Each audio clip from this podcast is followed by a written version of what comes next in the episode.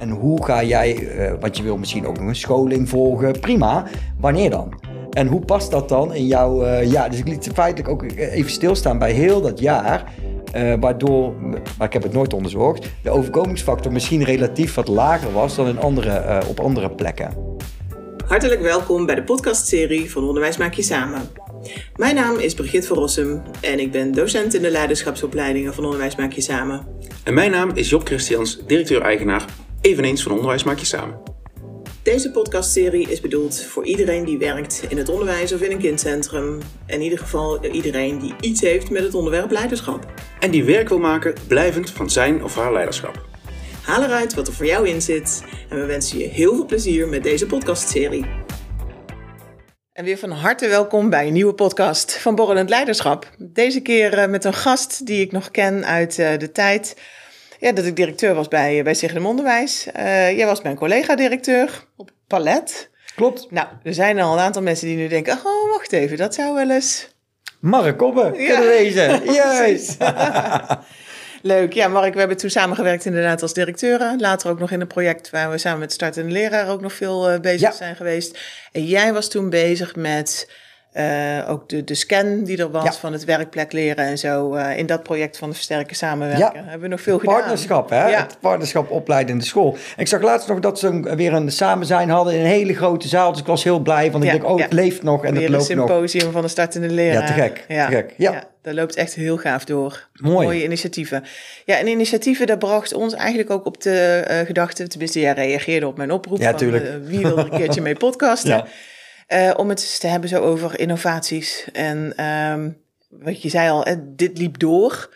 Succesvolle innovaties. Um, nou ja, er zijn natuurlijk heel veel innovaties die ook weer gewoon een stille dood sterven. Ja, ja, ja. Dat klopt, ja. Ja, ik moest eigenlijk denken van, van uh, wanneer ben ik me nou gaan verdiepen bijvoorbeeld in innoveren in het algemeen. Hè?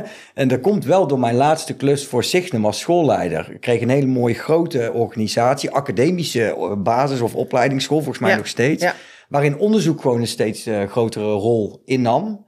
En uh, ik ging daar wel lekker op en ik ging daar wel op aan. En het thema innoveren, eh, wat mij triggerde, daarin weet ik ook nog, denk ik, dat iets van à la Kotter, iets van uh, 67% van alle onderwijsinnovaties gewoon mislukken.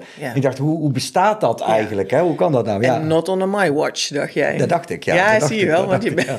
Tenminste, ik ken jou wel als een ambitieuze ja, iemand. Ja, ja, ja. dat dacht ik toen wel, ja. Dus ik dacht, oh ja, uh, wat maakt dan dat het wel uh, lukt in sommige groepen of in sommige teams? En, en, wat maakt nou feitelijk dat het niet zo goed lukt in sommige groepen of in sommige teams? Zo ben ik me daarmee bezig gaan houden. Wat, wat heb je zo gaandeweg, want volgens mij heb je dat gaandeweg echt ontdekt. Of ben je ook aan het studeren geweest? Of? Ik ben wel aan het studeren geweest. Uh, veel artikelen gelezen, veel uh, onderzoeken gelezen daaromtrent. En bijvoorbeeld boeken van Covey en Kotter en me daarin mee, mee bezig gehouden. Um, Leadwood uh, heeft daar een prominente rol in ja, mogen spelen. Ja, ja, in de masteropleiding. Maar ook de praktijk, ook de praktijk samen met Anje en met jou. Anje als lector van FHKE en, uh, en jij als uh, projectleider of leider van, van, van het hele partnerschap bijna.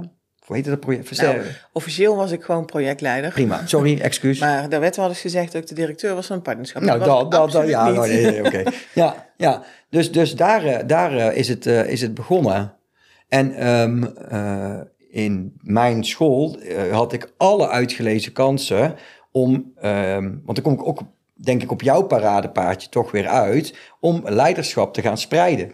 Um, omdat die school. Maar jij maakt nu een koppeling even in je hoofd tussen innovatie en, en dat daar dus schijnbaar dus leiderschap ook van andere mensen bij nodig is. Ja, absoluut. Ja, ja. dus uh, ik maak vooral de koppeling tussen innovatie en persoonlijk leiderschap. Oh, ja. En de mate waarin professionals in staat zijn om zichzelf uh, daarin ook te reguleren. Ja. Dus.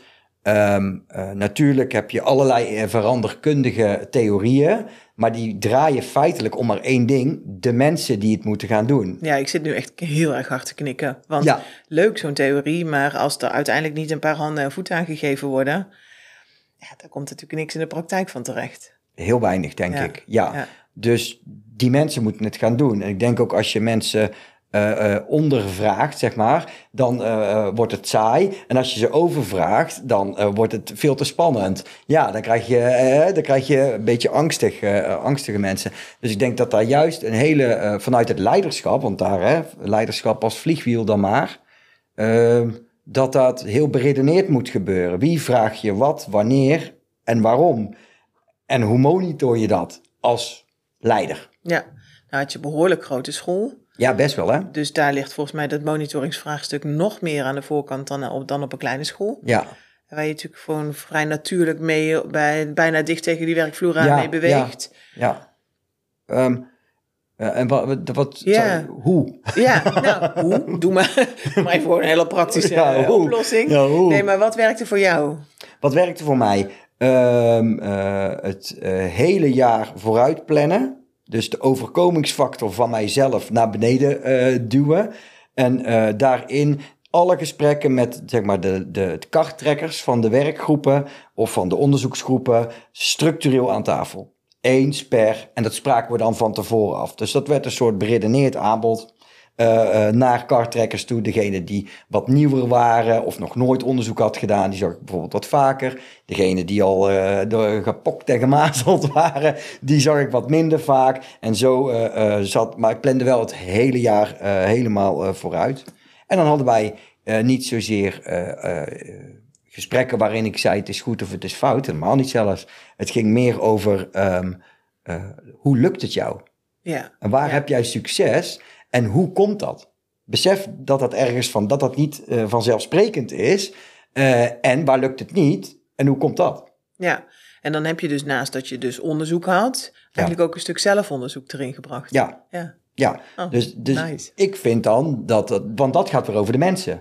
Die altijd mogen, ik vind hè, mogen leren. Ja, moeten klinkt nooit zo leuk hè, maar die altijd mogen leren. En die leerkansen, ik vind, een, uh, dat is een, van de taken natuurlijk van de professional zelf, vanuit zelfregulering. Maar je kunt dat als leider wel stimuleren, denk ik. En kietelen en triggeren en prikkelen. Ja, nou ja, en vergroten ook doordat je dus die uh, samenkomsten in ieder geval allemaal geregeld hebt. Ja. Ik, net voordat wij gingen podcasten, ja. hadden wij een docentenoverleg. En dan kijken we ook van wat gebeurt er bij jou in de opleiding, wat gebeurt er bij jou in de opleiding, mm -hmm. wat horen we van elkaar en waar kunnen we dan inderdaad een opleiding ja. weer ook weer samen verbeteren. Ja, want, want er zit constant een, een, evo, evo, ja, een evolutie eigenlijk. Ja, dat. En, en zijn er dan nog bij jullie bijvoorbeeld gemene delers waarvan je denkt, oh ja, daar is echt iets, dat, we, dat zien we in verschillende groepen. Komt dat wel bijvoorbeeld gemeenschappelijk terug of zo? Ja, en dan pak je dat juist inderdaad op ja. dat soort overleggen, omdat je uh, daar de kans voor wil maken met elkaar, om dan dus ja, van en met elkaar te leren. Dat is het. Ja. ja. ja.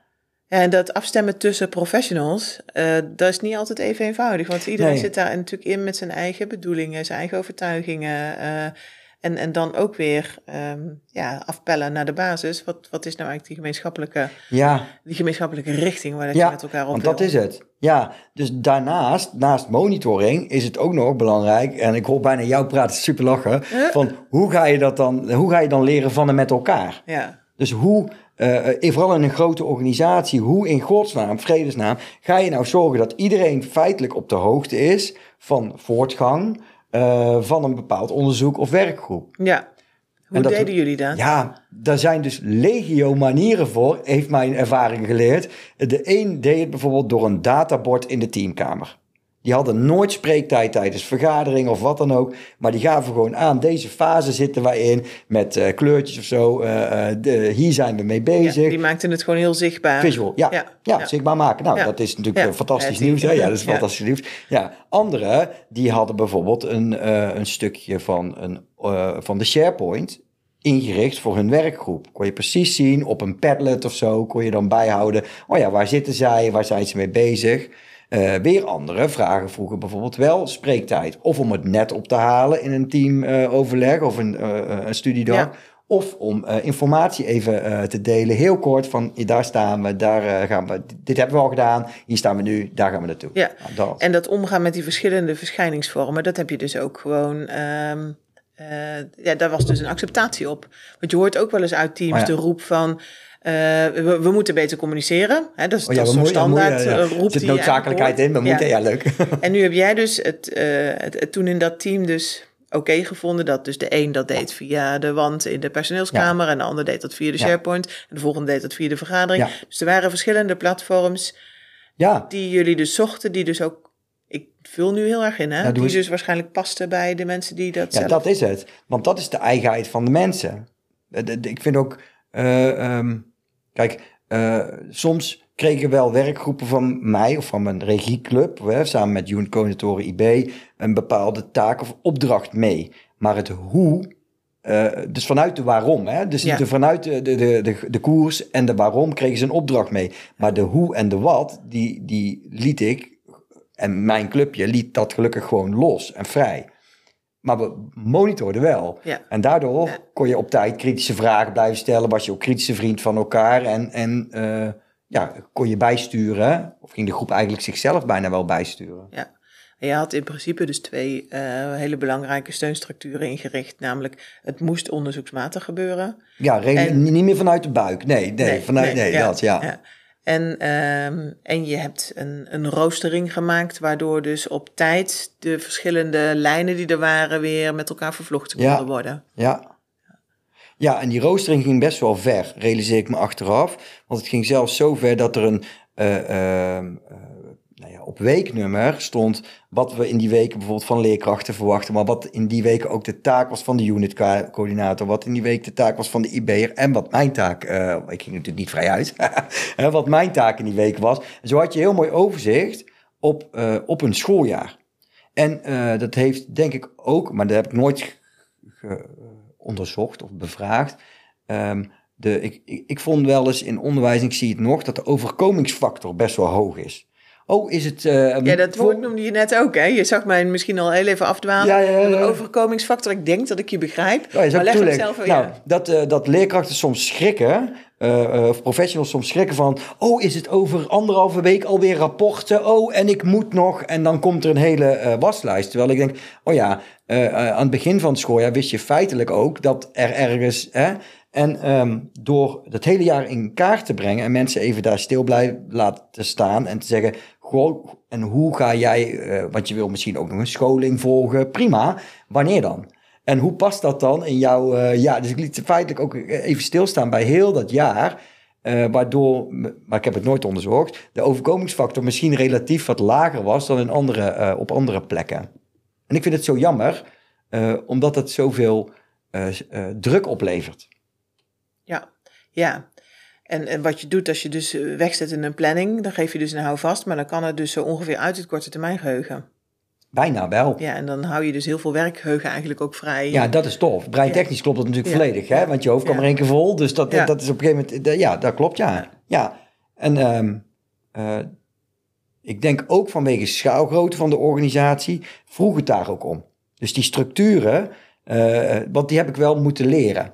Dat was voor mij ook niet eh 1, 2, 3 uh, hupseflups klaar.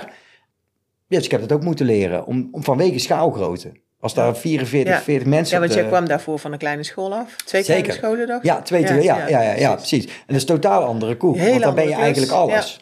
Ja, Dan ben je en de Sinterklaascommissie en de MR en, Ja. en, en. Hè? Ja, ja, ja. Nou, dat.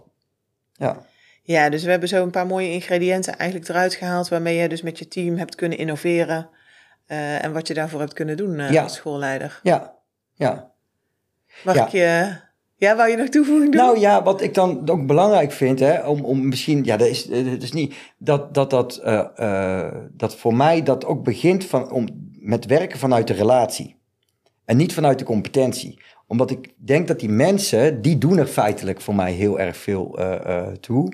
En die moeten het ook gaan doen met elkaar. Dus ik vind dat, dat vind ik wel belangrijk, ja. Ja, en toch zie je dan dat er uiteindelijk dus de mensen wel eh, vanuit iets wat ze, waar ze zelf al wel goed in zijn, ook graag beter in willen worden. Zeker. Dus dat die competentie natuurlijk wel heel dicht daar tegenaan en erachteraan komt. Zeker. Dat is een beetje à la Mark Lammers. Ja. Hè, mensen die gaan pas onderkennen dat ze iets niet zo goed kunnen als ze goed in hun vel hangen. Nou, en dat is denk ik eh, belangrijk, ja. Ja. ja. Mooi. Mark, mag ik je bedanken voor Tuurlijk. deze podcast. En, jij eh, ook. Leuk, superleuk dat ik mocht komen. Ja, ik ga de luisteraars ook bedanken voor het luisteren. Ik dan ook. Vooruit, En, ja. eh, nee, luister ook gerust nog eens wat podcasts terug. En mocht je het leuk vinden om ook een keertje gast te zijn eh, in deze podcast Borrelend Leiderschap, dan ehm, zie ik je reactie heel erg graag. Mooi, dankjewel.